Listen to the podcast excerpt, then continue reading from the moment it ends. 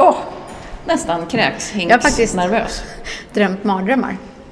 Har du? Ja, om att det gick så jävla dåligt och att vi var så awkward. Ja, usch. Vi har ju några intervjuer som har varit på sig på huvudet flera dagar. Hemska. Ja. Tur att vi kan klippa. Kom, du får öppna hissen. Åh gud, jag har för stark läppstift. Jag har en liten smula här. Är du torr? I skägget. Mm. Ser pigg ut. Ja, men vad är det här? Kanta det. Mm. Business Center. Såg inte ut som en typisk Ja, precis. skrivstuga.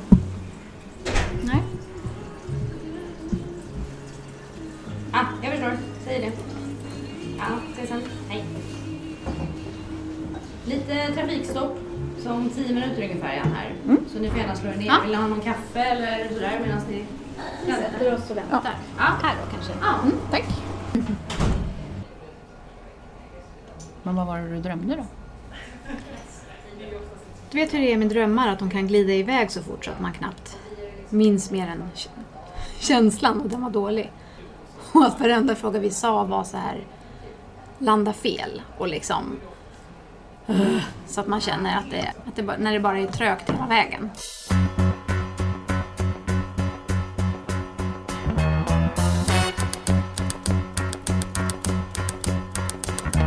Det är jag som är Nina De är. Och det är jag som är Johanna de Valiant. Och vi tänker debutera. Eller dö. Tumble out of bed and I stumble to the kitchen. Pour myself a cup of ambition and yawn and stretch and try to come to life. Jump in the shower and the blood starts pumping. Out on the streets, the traffic starts jumping with folks like me on the job from nine to five. Working nine to five. What a way to make a living. Barely getting by. It's all taking and no giving. They just use your mind and they never give you credit. It's enough to drive you crazy and you let it. Shoot. Fredrik Backman. Hmm? Välkommen till Debutera eller dö. Det Det känns bra. nästan ödesmättat att vi sitter här, för det börjar med att vi pratade om ditt Känns det ödesmättat? Ja, men på ett fint sätt. Det är lite... Det här mörker och ljus är ju yin och yang, hör ihop. Mm. Men redan i vårt första avsnitt så började vi prata om ditt författarskap. Som jag då inte hade någon relation till, men Johanna hade. En väldigt stark relation. Så att jag sitter här är ju shaky för du är ju min idol. Och du är framförallt min släkts idol. Allt från eh, de unga i familjen till min mamma som är 86. Att jag poddar det har ju inte någon brytt sig om särskilt mycket. Vi har ju ändå hållit på i två och ett halvt år och det går alla obemärkt förbi. Men nu, jag bara, nu måste jag bara berätta. Jag ska intervjua Backman. Och alla bara, vem fan är Zlatan? Backman, Backman, Backman. Mm. Det Det är som min mamma blir när jag träffar, träffar andra författare. Riktiga författare. Mm. Alltså hur, hur titulerar man en som har skrivit en helig text?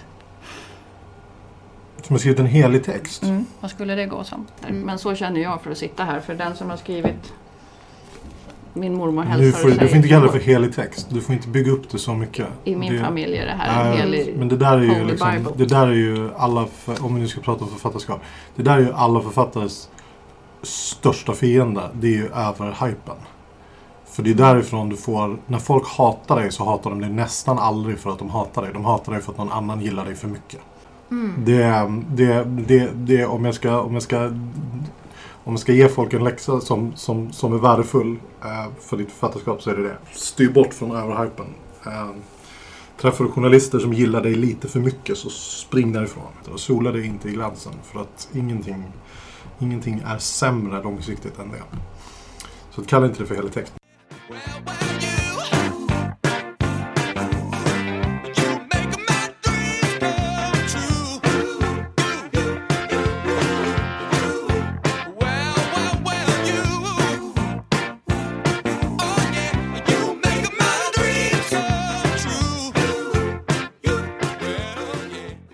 Det är roligt att du gillar boken. Säg att det är en okej bok. Det är en okej bok. Mm. Och det roliga var att jag eh, började läsa den och la den ifrån mig. Mm. Och så sa min syrra, men snälla, du måste läsa den. Och jag bara läste den en gång till och la den ifrån mig. Bara, alltså det funkar inte. mormor som kastar bajs. Alltså jag, det går inte. Och min syster är inte en dominant person. Men hon sa, nu läser du boken. Och jag eh, läste boken och var såld. Så att eh, jag fick övertalas att ta mig igenom. Men just den där boken gjorde jag det lite med flit. Jag ville ju att den skulle växa på dig. Jag ville, att du, jag ville inte att du skulle veta var jag var på väg. Ehm, det var hela poängen med, med, med inledningen. Point taken. Det kräver att läsaren litar på dig. Det är därför du lägger bort den. Om du inte har någon relation till vad jag skrivit tidigare så lägger du bort den efter 20 sidor och tänker vad fan är det här? Vilken bok är du mest stolt över? Alltså jag är mest stolt över Björnstad. Det är jag nog. Ehm, för att den var svårast att skriva men också för att det var den boken där flest människor som jobbade med mig tyckte att det var en dålig idé. Du kan vara väldigt idrottsintresserad men inte vara intresserad av hockey. Hockey är i regel sån idrott som är du intresserad av hockey så är du besatt av hockey. Men är du inte intresserad av hockey så är du inte intresserad överhuvudtaget. Väldigt få människor som är lite intresserade av hockey. Så att den hade på det stadiet mycket emot sig och det var ju alla jag jobbade med väldigt väldigt noga med att tala om för mig innan jag eh, innan jag gav ut den. Om en utländsk författare blir stor i Sverige plötsligt då säljer den författaren plötsligt som, som en inhemsk författare gör. Alltså eh, nu ska jag ta för exempel. Men, men eh, de, de amerikanska, engelska författare som, som plötsligt blir stora i Sverige, som plötsligt kommer upp på topplistan i Sverige. Då säljer alla deras böcker i Sverige per automatik. För alla som har läst den första boken går och letar upp deras andra böcker. Ehm, om den författaren plötsligt byter genre väldigt dramatiskt till någonting som inte alls funkar i Sverige. Så det är väldigt svårt för den författaren att ta sig tillbaka in på den svenska marknaden sen. Om du har en bok som floppar så är det väldigt, väldigt svårt att få ett svenskt förlag att satsa på samma utländska författare en gång till. Ehm, även om den författaren sen byter tillbaka till den genren som hen var i från början. Och det är klart att det är deras jobb att tala om för en att byter du genre här, då kommer du nog tappa den här den här positionen som du har i de här olika länderna där dina saker kanske säljer av sig självt. Eh, och då måste man ju ta ett beslut. Och det visade sig att jag sket i det. Och då förlorade jag några länder. Eh, men jag vann några andra länder istället. Och, eh, eh, och det, det är så det är. Men byter du genre så... Eh, folk gillar inte att man byter genre. Alla gillar att man byter genre i teorin. Alla, säger, alla säger att de vill att... att så här, Åh, men jag gillar när författare vågar. Så här. Ja, fast oftast så vill inte folk det. Oftast så vill folk att man ska hålla sig i boxen. Har de väl vant sig vid att man gör en sak och de tycker om den saken, då vill de att man ska fortsätta göra den saken. Du vill i regel inte att ditt favoritband ska byta musikstil.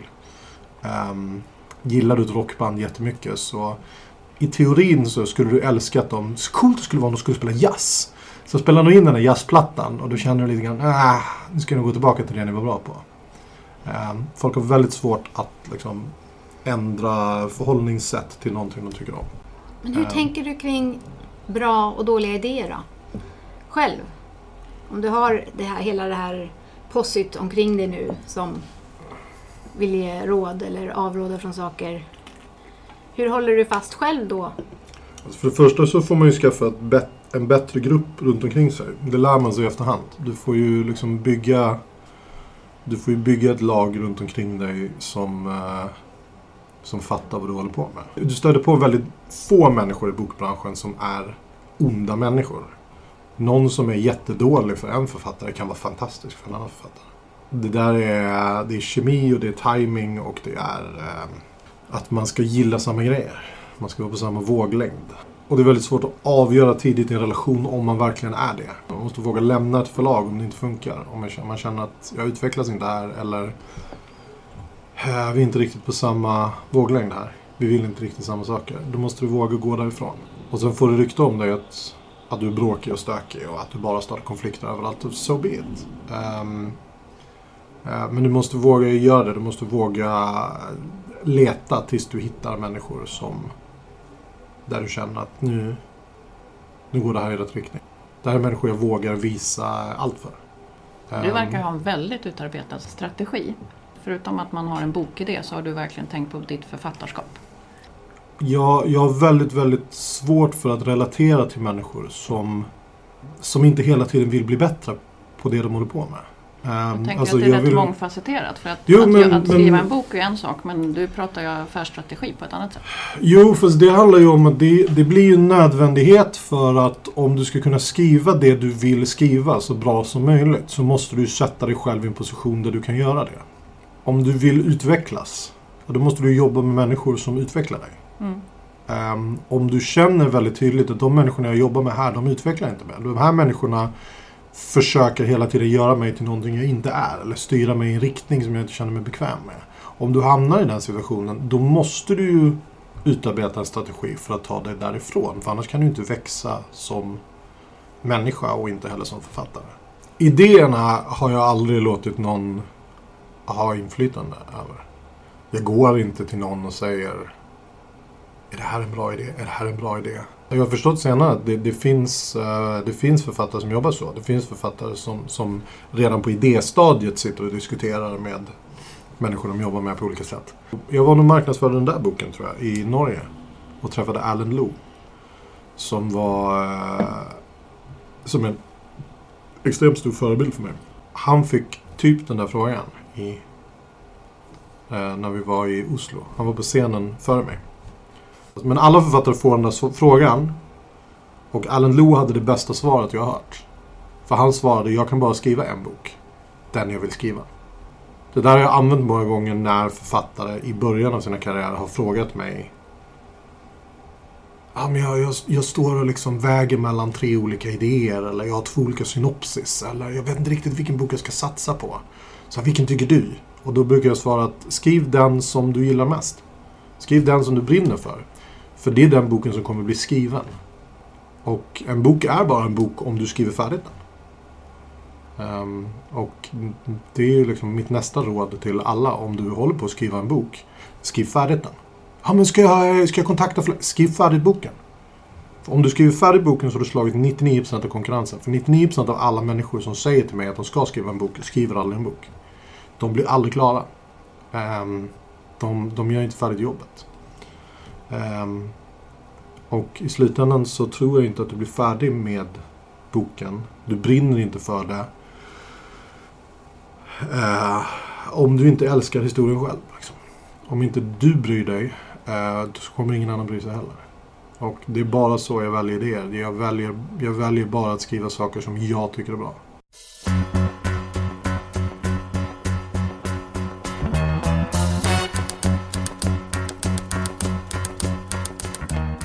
Hörde någon som sa, jag tror det var David Mamet som har skrivit pjäser och eh, böcker, att orka vara författare handlar om att stå ut med osäkerhet. Jag har, aldrig jag har aldrig träffat någon, varken författare, musiker, konstnär.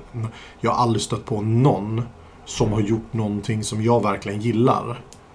Och sen träffat den här personen och sagt Fan, du är ju skitbra självförtroende. Du är väldigt säker i dig själv.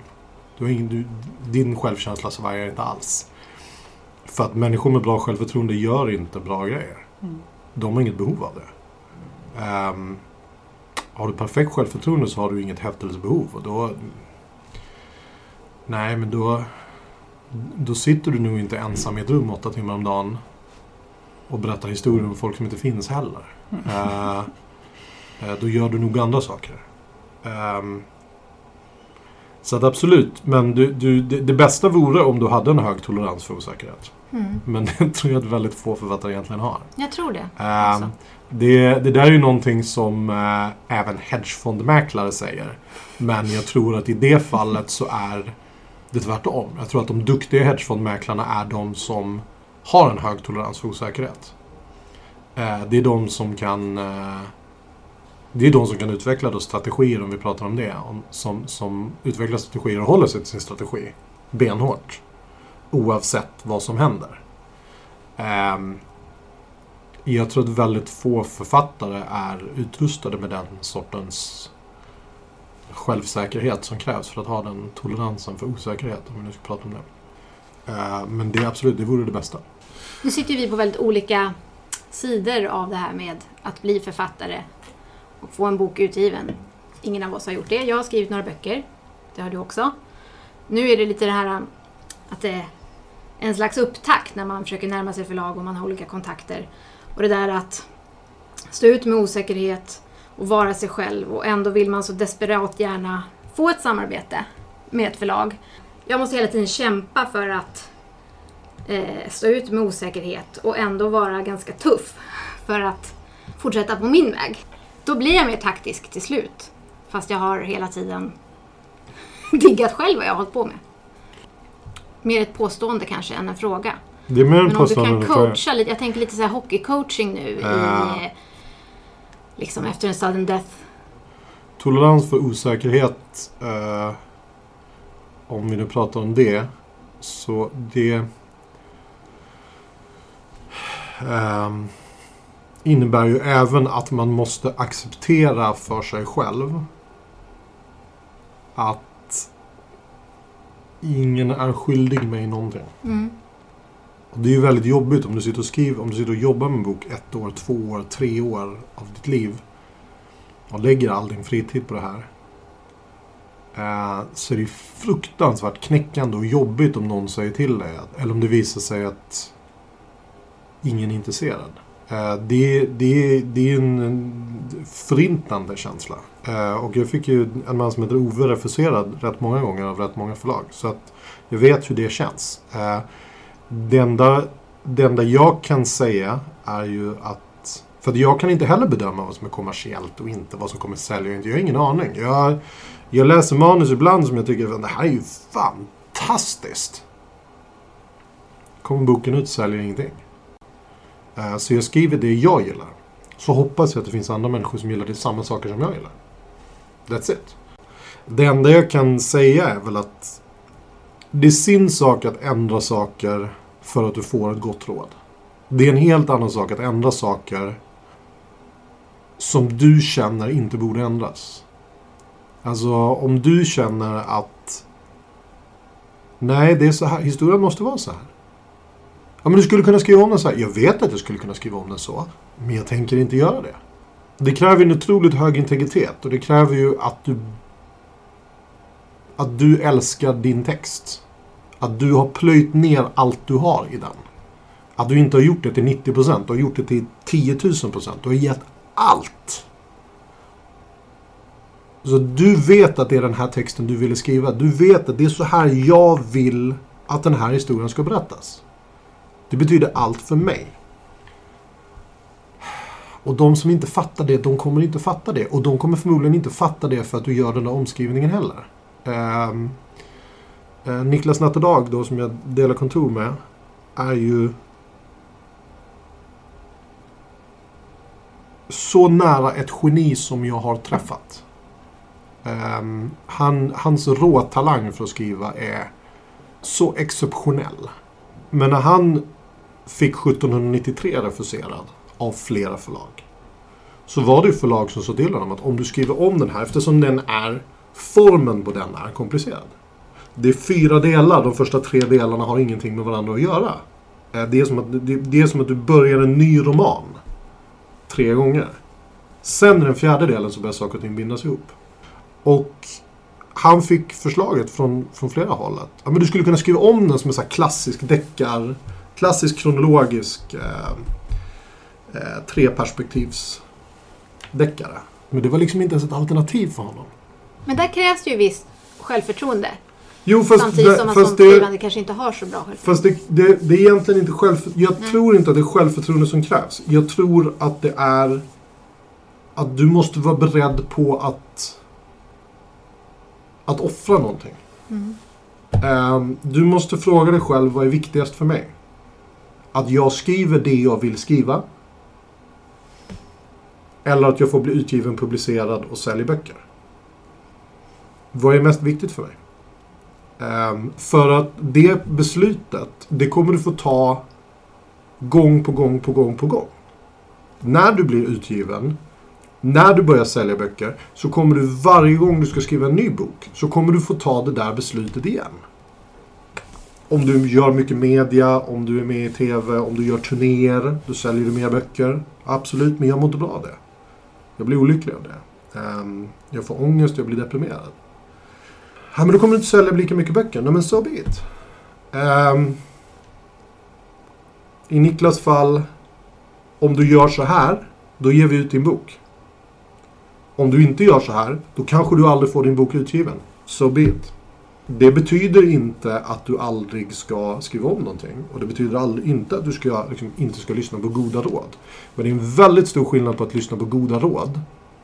För att när du får ett gott råd så vet du i regel att det är ett gott råd. För att i regel så har det goda rådet pinpointat någonting som du själv vet inte riktigt håller. Ja, visst är det så. Ofta Ja. är det så. Ehm, och då kan man ju ibland reagera med ilska. För att det är en normal mänsklig reaktion. Eh, du avslöjade mig lite. Jag hoppades att ingen skulle märka det här. Men det gjorde du. Men jag tror att de flesta...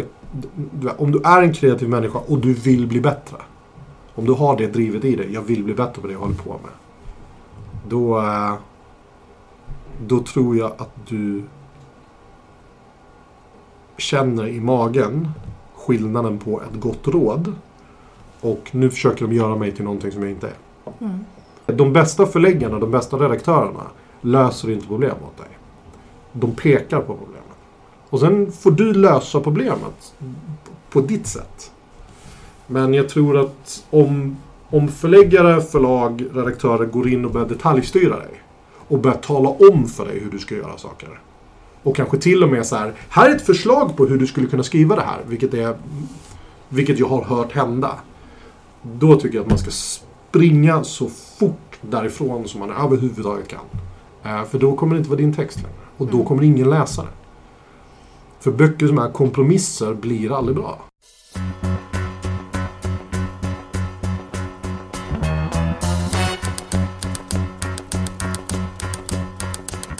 Det är ensamt. Det är otroligt ensamt. Ja, men det, är den, det är den härskande känslan om du vill ha det här jobbet. Alltså, det, det, det kommer vara ensamt. Det är en ensam process. Det är ensamt att vara i sitt eget huvud hela tiden. Jag är ju välsignad nog att vara gift med någon som hanterar väldigt mycket av det rent affärsmässiga och alla förhandlingar och allting. Och det hjälper mycket om du har någon i ditt liv som säger åt dig att vet du vad? Om den här boken aldrig blir utgiven så gör det ingenting. Det säger ingenting om huruvida den är bra eller inte. Och den säger ingenting om huruvida det varit värdefullt för dig eller inte. Din första roman kanske var ditt universitet. Den, Ja, kanske, all, den kanske aldrig blir utgiven. Det kanske är din nästa bok som är den stora grejen.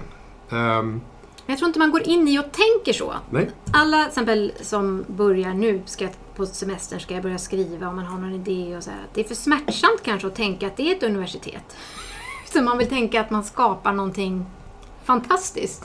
Och skulle, sen ska man malas ner. ja, jag skulle vilja säga att om utgångspunkten är på semestern ska jag börja skriva. Mm. Så kan jag säga, det finns säkert undantag. Men jag har aldrig hört någon som faktiskt har skrivit någonting som är riktigt, riktigt bra. Ehm, och som blir färdigt. Som har börjat med, på semestern ska jag börja skriva. Börja skriva nu. Börja skriva nu. Varenda minut som du kan hitta på ett dygn. Du måste börja skriva nu. Det tar skitlång tid att skriva en bok. Det tar så sjukt lång tid att skriva en bok. Och det är inte bara skrivandet, det är även tänkandet. Det tar otroligt lång tid att tänka ut en bok. Det tar otroligt lång tid att gräva i sig själv för att hitta alla de där känslorna som behövs. Ehm, börja nu. Det var när vi fick vårt första barn. Det, jag förstod då att fan, jag, borde, jag borde ha börjat innan vi fick det första barnet. För då hade jag ju, då hade jag ju sjukt mycket tid. Då spelade jag jättemycket tv-spel. Sen fick vi första barnet och satte jag ner min Xbox i källaren. Eh, men anledningen till att jag började skriva då var för att jag förstod att jag kommer aldrig få tid. Nu har vi fått vårt första barn. Nu är det kört. Jag kommer aldrig få tid. Det kommer aldrig uppenbara sig en sån här period. Bara, nu, sätt dig och skriv i sex veckor. Koncentrera dig på dig själv. Det kommer aldrig att hända. Så antingen så hittar jag, hittar jag ett sätt nu att använda varenda vaken minut som jag råkar få ledigt till att jobba med det här. Eller så kommer det aldrig bli klart. Körde du truck på den tiden? Nej, truck körde jag innan jag började jobba som frilansskribent. Ehm, så att när jag... Jag började köra truck när jag var 25. Jag har aldrig Ja. kört truck men vi har glorifierat lite grann och har ett, ändå ett dagjobb som inte är fullständigt dökrävande för hjärnan. Mm. Det kanske är jättesvårt att köra truck. Så, Eh, men det finns ju andra det- jobb i alla fall som jag föreställer det, mig. det, är, det är svårt att köra truck men det, eh, man, man kan tänka medan man gör det. Exakt, Mm. att ha, Ja. hitta ett jobb som frigör hjärnan lite grann. Ja. Att man, En återkommande anekdot som jag berättar om det är att eh, jag, jag jobbade på tryckeri när jag var 20-ish. Och ehm, vi, vi, vi tryckte de här kalendrarna.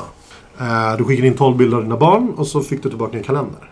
Med en bild på varje månad. Och det var ju inte heller ett liksom, intellektuellt stimulerande arbete. Det var någonting man, man stod och gjorde för pengarna. monotont. Och jag, jag gjorde det för att tjäna ihop pengar till så att jag kunde åka utomlands. Liksom, för att jag bara ville bort. Det jobbade en tjej där. Och hon var lite äldre. Kommer inte ihåg exakt hur gammal hon var. Men hon var utbildad möbelsnickare. Och jag sa, vad fan gör du här? Alltså varför jobbar du inte som möbelsnickare? Om du är utbildad som det. Hon bara, nej men jag jobbade som det ett tag. Ja, okej. Varför slutade du med det då? Varför slutade du med det om, alltså är inte det bättre betalt än det här? Hon bara, jo, jo det är mycket bättre betalt än det här. Okej, vad gör du här då? Och då var hennes grej att hon, eh, hon älskade att skulptera.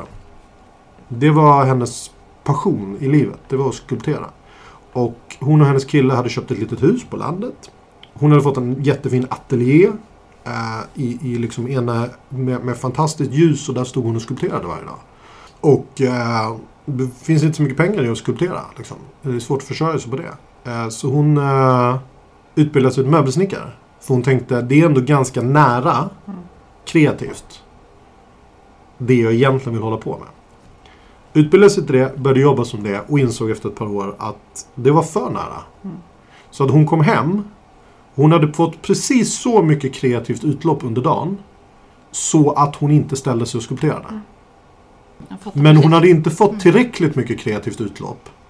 För att bli tillfredsställd. Nej, var inte självförverkligande. Så att det var fortfarande det här, det här rastlösa svarta hålet i henne.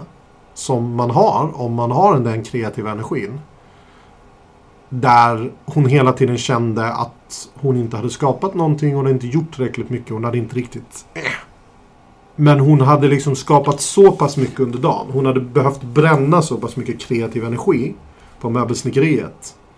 Så att hon inte hade orken när hon kom hem. Att börja om från noll med skulpteran. Hon verkligen insåg en morgon att nu har jag inte varit i ateljén på ett år.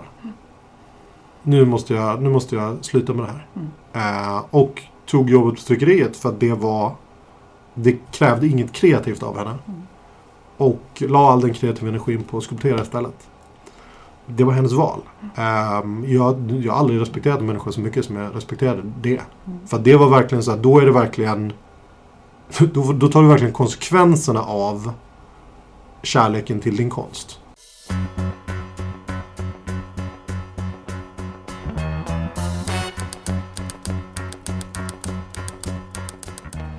Jag har bara saker gemensamt med människor som är besatta av grejer. Och det spelar ingen roll, det behöver inte vara litteratur. Det kan vara konst eller musik eller Baseball.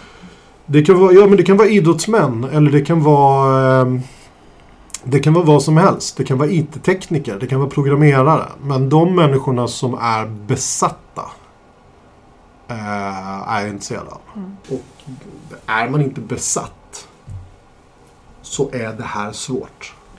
Eh, om det här är någonting som man vill göra för att man tror att det ska bli enkelt. Och det är ju också en jobbig sak att få höra eh, om man eh, om man håller på med sin första roman. Men det blir inte lättare. Det blir inte lättare. Självförtroendet blir inte bättre. Det blir inte lättare att skriva. Du kommer inte, du kommer inte nå en punkt där det plötsligt blir enkelt. Men jag tänker, när man då försöker bli bättre. Man blir så nyfiken på rent så här hantverksmässigt. Vad du har sett hos dig själv i ditt arbete. Jag känner så väl igen det där du beskriver som att man hela tiden dras, att det finns någonting. Jag var på en fantastisk semester med min familj nu och jag ser min dotter bada i havet och så här. Och så, så plötsligt så bara, det är så jag ska göra. Och jag är, liksom, jag är någon helt annanstans. Jag är inte ens där. Och det är både en extrem eufori och liksom en slags smärta. För att varför är jag en sån... Varför kan inte jag bara vara här nu och vara glad? Och liksom, istället så ska jag gå iväg då. Nej men för att du är knäpp i huvudet. Ja, Nej men så är det ju. Det är ju man, man, du är ju knäpp i huvudet. Det är inte ett Mm. normalt beteende. Uh, nej men det är så. Grattis. Mina, mina, mina, det, är ju det vanligaste som försiggår hemma hos mig är ju det här. Pappa! Ja. Pappa här! Fok- pappa! Ja. För jag glider iväg. Jag har väldigt, väldigt svårt att leva i nuet. Eh, Det gör mig otroligt olämplig som, som partner och pappa och Mm. vän. För det är otroligt svårt att stanna kvar i vad man faktiskt håller på med här och nu. Men du har väl alltid varit så? Eh, Det har jag nog. För det har jag också. Att Ja. jag var redan från, som barn. Att folk inte fick kontakt med en och sådär. Disträ. Men nu har man väl kanske lyckats hitta någonting där man kan lägga den här drömsketten. Men jag tänker hur man kan utveckla det. Alltså rent hantverksmässigt. Nu har du ändå skrivit så många böcker. Jag förstår att det inte blir lättare. Och det blir mer press. Men är det någonting annat? Du måste ju ha blivit bättre och bättre. Jo men det, det blir ju per automatik. Sen går inte Mm. det alltid att sätta fingret på. Det går inte alltid att säga vad det är. Men det är väl, det, det är väl både stora saker. Det är ibland stora saker men oftast små saker. Men att du... Du blir kanske bättre på att hålla rytmen till exempel. Eh, du, du, du blir bättre på... Du, du höjer din lägsta nivå. Eh, förflyttning är svårt. Litteratur. Typ. Det händer någonting väldigt spännande här. Och det ska hända någonting väldigt spännande i nästa kapitel på en helt annan plats. Hur flyttar jag på alla personerna däremellan? Eh, du kan göra det väldigt bra och du kan göra det väldigt dåligt. När jag skrev, jag skrev mina tre första böcker utifrån en persons perspektiv. Eh, jag gjorde det för att jag var väldigt medveten om att ju fler personers perspektiv du har desto svårare är det rent tekniskt att skriva. För då hamnar du väldigt lätt i, om du har det här formatet. Den här historien kommer berättas ur tre olika personers perspektiv. Eh, och deras historier kommer vävas samman. Och jag kommer berätta deras historier växelvis. Så här, kapitel 1, karaktär 1. Kapitel 2, karaktär 2. Kapitel 3, karaktär 3. Kapitel 4, karaktär 1 igen. Så det är 1, 2, 3, 1, 2, 3, 1, 2, 3. Och sen kanske vi skakar om det vid något tillfälle. 1, 2, 3, 2, 3, 1. 1, 2, 3, 1, 2, 3, 1, 2, 3. Du kan, om du ska ha det formatet 1, 2, 3, 1, 2, 3, 1, 2, 3 så blir du väldigt lätt fången i formatet. Du blir väldigt lätt fången i att ah, nu måste det hända någonting för karaktär 3 här. Och då blir det bara en transportsträcka. Då blir det ett sånt där kapitel där läsaren sitter och bara okej, men nu händer det typ ingenting. Nu sitter du bara och mjölkar ut text. För att det här kapitlet måste vara ungefär lika långt som de andra kapitlen var. För att det liksom ska vara ett, en, en, en, en tjusig form. Det är ju ett klassiskt förläggarråd också. Du Ja. behöver se över dispositionen i dina kapitel. Jag vet inte Ja. hur många gånger jag har fått det. Och, Vissa är för långa, vissa är för korta. ja, och jag, jag tycker att det är skitsnack. Det är min personliga uppfattning. Jag tycker att om ett kapitel är för långt eller för kort har ingenting med mängden tecken att göra. Allt det där är liksom rytm och känsla och intuition. Och ibland är det rätt och ibland är det fel. Och ibland tycker jag att någonting är fantastiskt. Du tycker att det är skräp. Jag och Niklas har delat kontor i nio år. Vi gillar inte samma grejer för fem öre. Jag älskar saker som han tycker är värdelöst och vice versa. Ehm, Min fru och jag gillar inte samma grejer. Alltså, det är väl hur jobbigt som helst för oss att bara hitta en tv-serie som vi båda två kan tänka oss att titta på. Ja, det är ju liksom... Och vi älskar varandra. Eh, och vi, vi har levt med varandra i 12 år. Vi har svårt att hitta en tv-serie som vi båda två gillar. Folk gillar olika grejer. Men man måste bli skeptisk till alla människor. Och det här är en förlagsskada, en branschskada som människor på förlag ofta drabbas av. Det är att de tror att det finns objektiva sanningar om litteratur. Det gör det inte.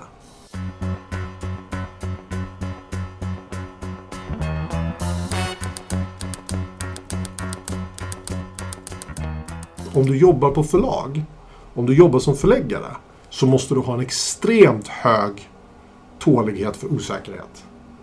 För du måste varje, varje dag gå till jobbet och vara medveten om Ingen i den här branschen vet vad de håller på med. Ingen. Ingen människa kanske? Nej men det finns ju branscher, det finns ju branscher som du kan förutse liksom i lite längre cykler. Men det finns ju väldigt få branscher som funkar så som bokbranschen gör. Nämligen en gång varannat år, var tredje år. Så kommer vi få en en bästsäljare som fullständigt kommer välta varenda bokhandel i hela världen. Och ingen kommer ha sett den komma. Men varannat var tredje år så händer det. För det var ingen som såg 50 Shades of Grey komma. Det var ingen som såg Elena Ferrante komma heller. Eh, för det kräver att du accepterar att de flesta människor är precis som du är. Ibland så vill du bli intellektuellt utmanad. Ibland så vill du bara fly verkligheten. Så ibland vill du läsa en roman som verkligen ställer krav på dig. Ibland vill du bara ha folk med svärd.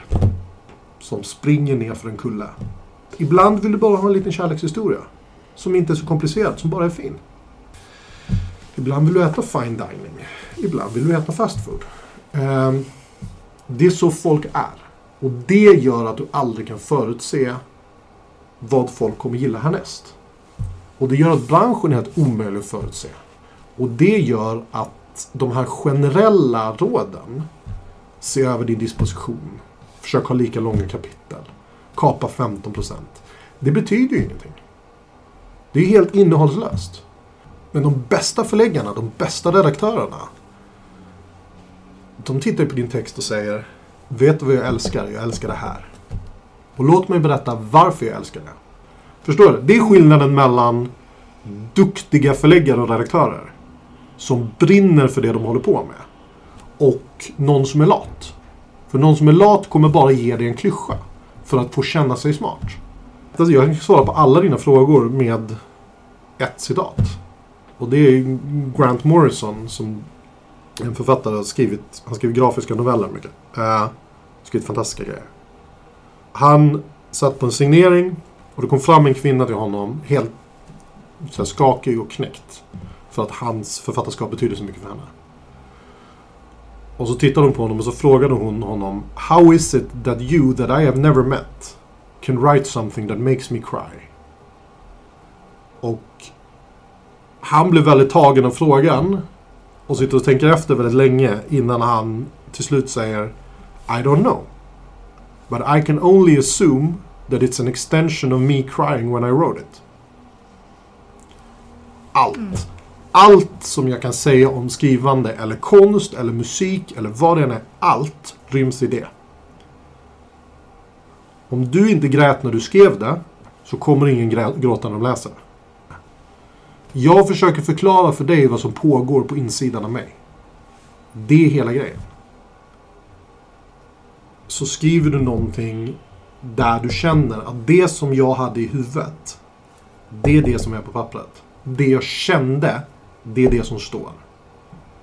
Jag lyckades sätta det här i ord. Det kan vara en mening eller mm. en halv bok. Det spelar ingen roll. Men när det händer. Om om det som händer i dig då är så beroendeframkallande så att du sen ägnar hela ditt liv och all din tid åt att jaga det igen. Uh, då är du som vi är. Då är du knäpp i huvudet. Så att jag hade inte, om jag var som du, jag hade inte tittat på min text nu och funderat över vad kan jag göra för att göra förlaget nöjda? Jag hade tittat på min text och frågat mig själv. Älskar jag det här?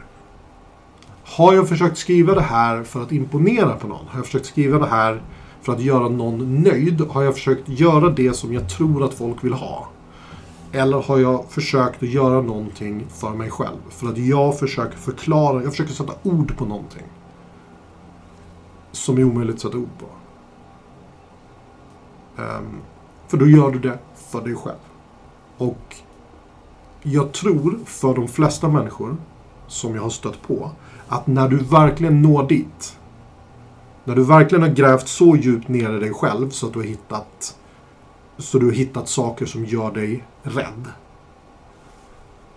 och får dig att känna dig liten och svag och utlämnad och du har fått ner det i text. Då är du inte rädd att lämna det ifrån dig för att du är rädd att någon ska säga Ja, det är inte tillräckligt bra språk. Eller vi tycker att du ska jobba med dispositionen. Eller vi tycker så, det är inte det du är rädd för. Du är rädd för att lämna det ifrån dig. För det berättar lite för mycket om vem du är. Fantastiskt bra sagt. Det är tröst, trösterikt. Vilken uppläxning. Jag tror att jag svarar på typ tre frågor. Men, ehm, ehm, men det här är... ehm, Jag tror inte vi orkar med fler svar. Ja, på Du tal om vet- distraherande hobbysar, men jag har en hund. Jag måste hem till den. Jag är helt eh, matt av din generositet. Det var verkligen jätte, jättekul. Det enda vi har som tack det är ju två t-shirtar till dig och Niklas. Jag är mycket förtjust i att ni har merch. Det här är, det här är första merch-batchen vi någonsin gör. Ja. Men vi har gjort det nu.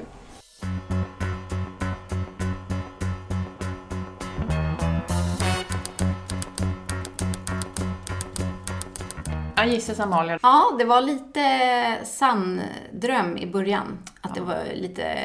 Vi åkte på lite stryk de första frågorna. Några raka käftsmällar, en var. Men sen styrde det upp sig. Fin kille. Han var verkligen generös både med information och tid. Vill man kan man också skaffa en t-shirt. Så att inte bara Backman går runt i våran debutera eller dö t-shirt. Mm, han fick den första. Färsk från tryckeriet. Det kan man läsa mer om på vår hemsida och eh, på Facebook. Ett par hundringar senare så har ni alla varsin debutera eller dö. Logga på era bröstkorgar. Ja, och vad ska vi använda pengarna till? Stim. Exakt. Vi har ju musikrättigheter. De kostar väl ungefär 9000 per år. Ja, vi kommer inte Lite åka annat. till Bahamas utan vi Nej. kommer fortsätta podda. Ja, Ja, nästa gång så kommer vi träffa ett eh, uppstickarförlag. det blir kul. Ett fruktbolag har vi sagt eh, för länge, länge sedan. Mm. Och äntligen så är det dags. Petter Stordalens förlag. Strawberry. Vi måste ju avsluta det här avsnittet med både vår och Backmans favoritartist. Absolut. The one and only Dolly. Stay tuned.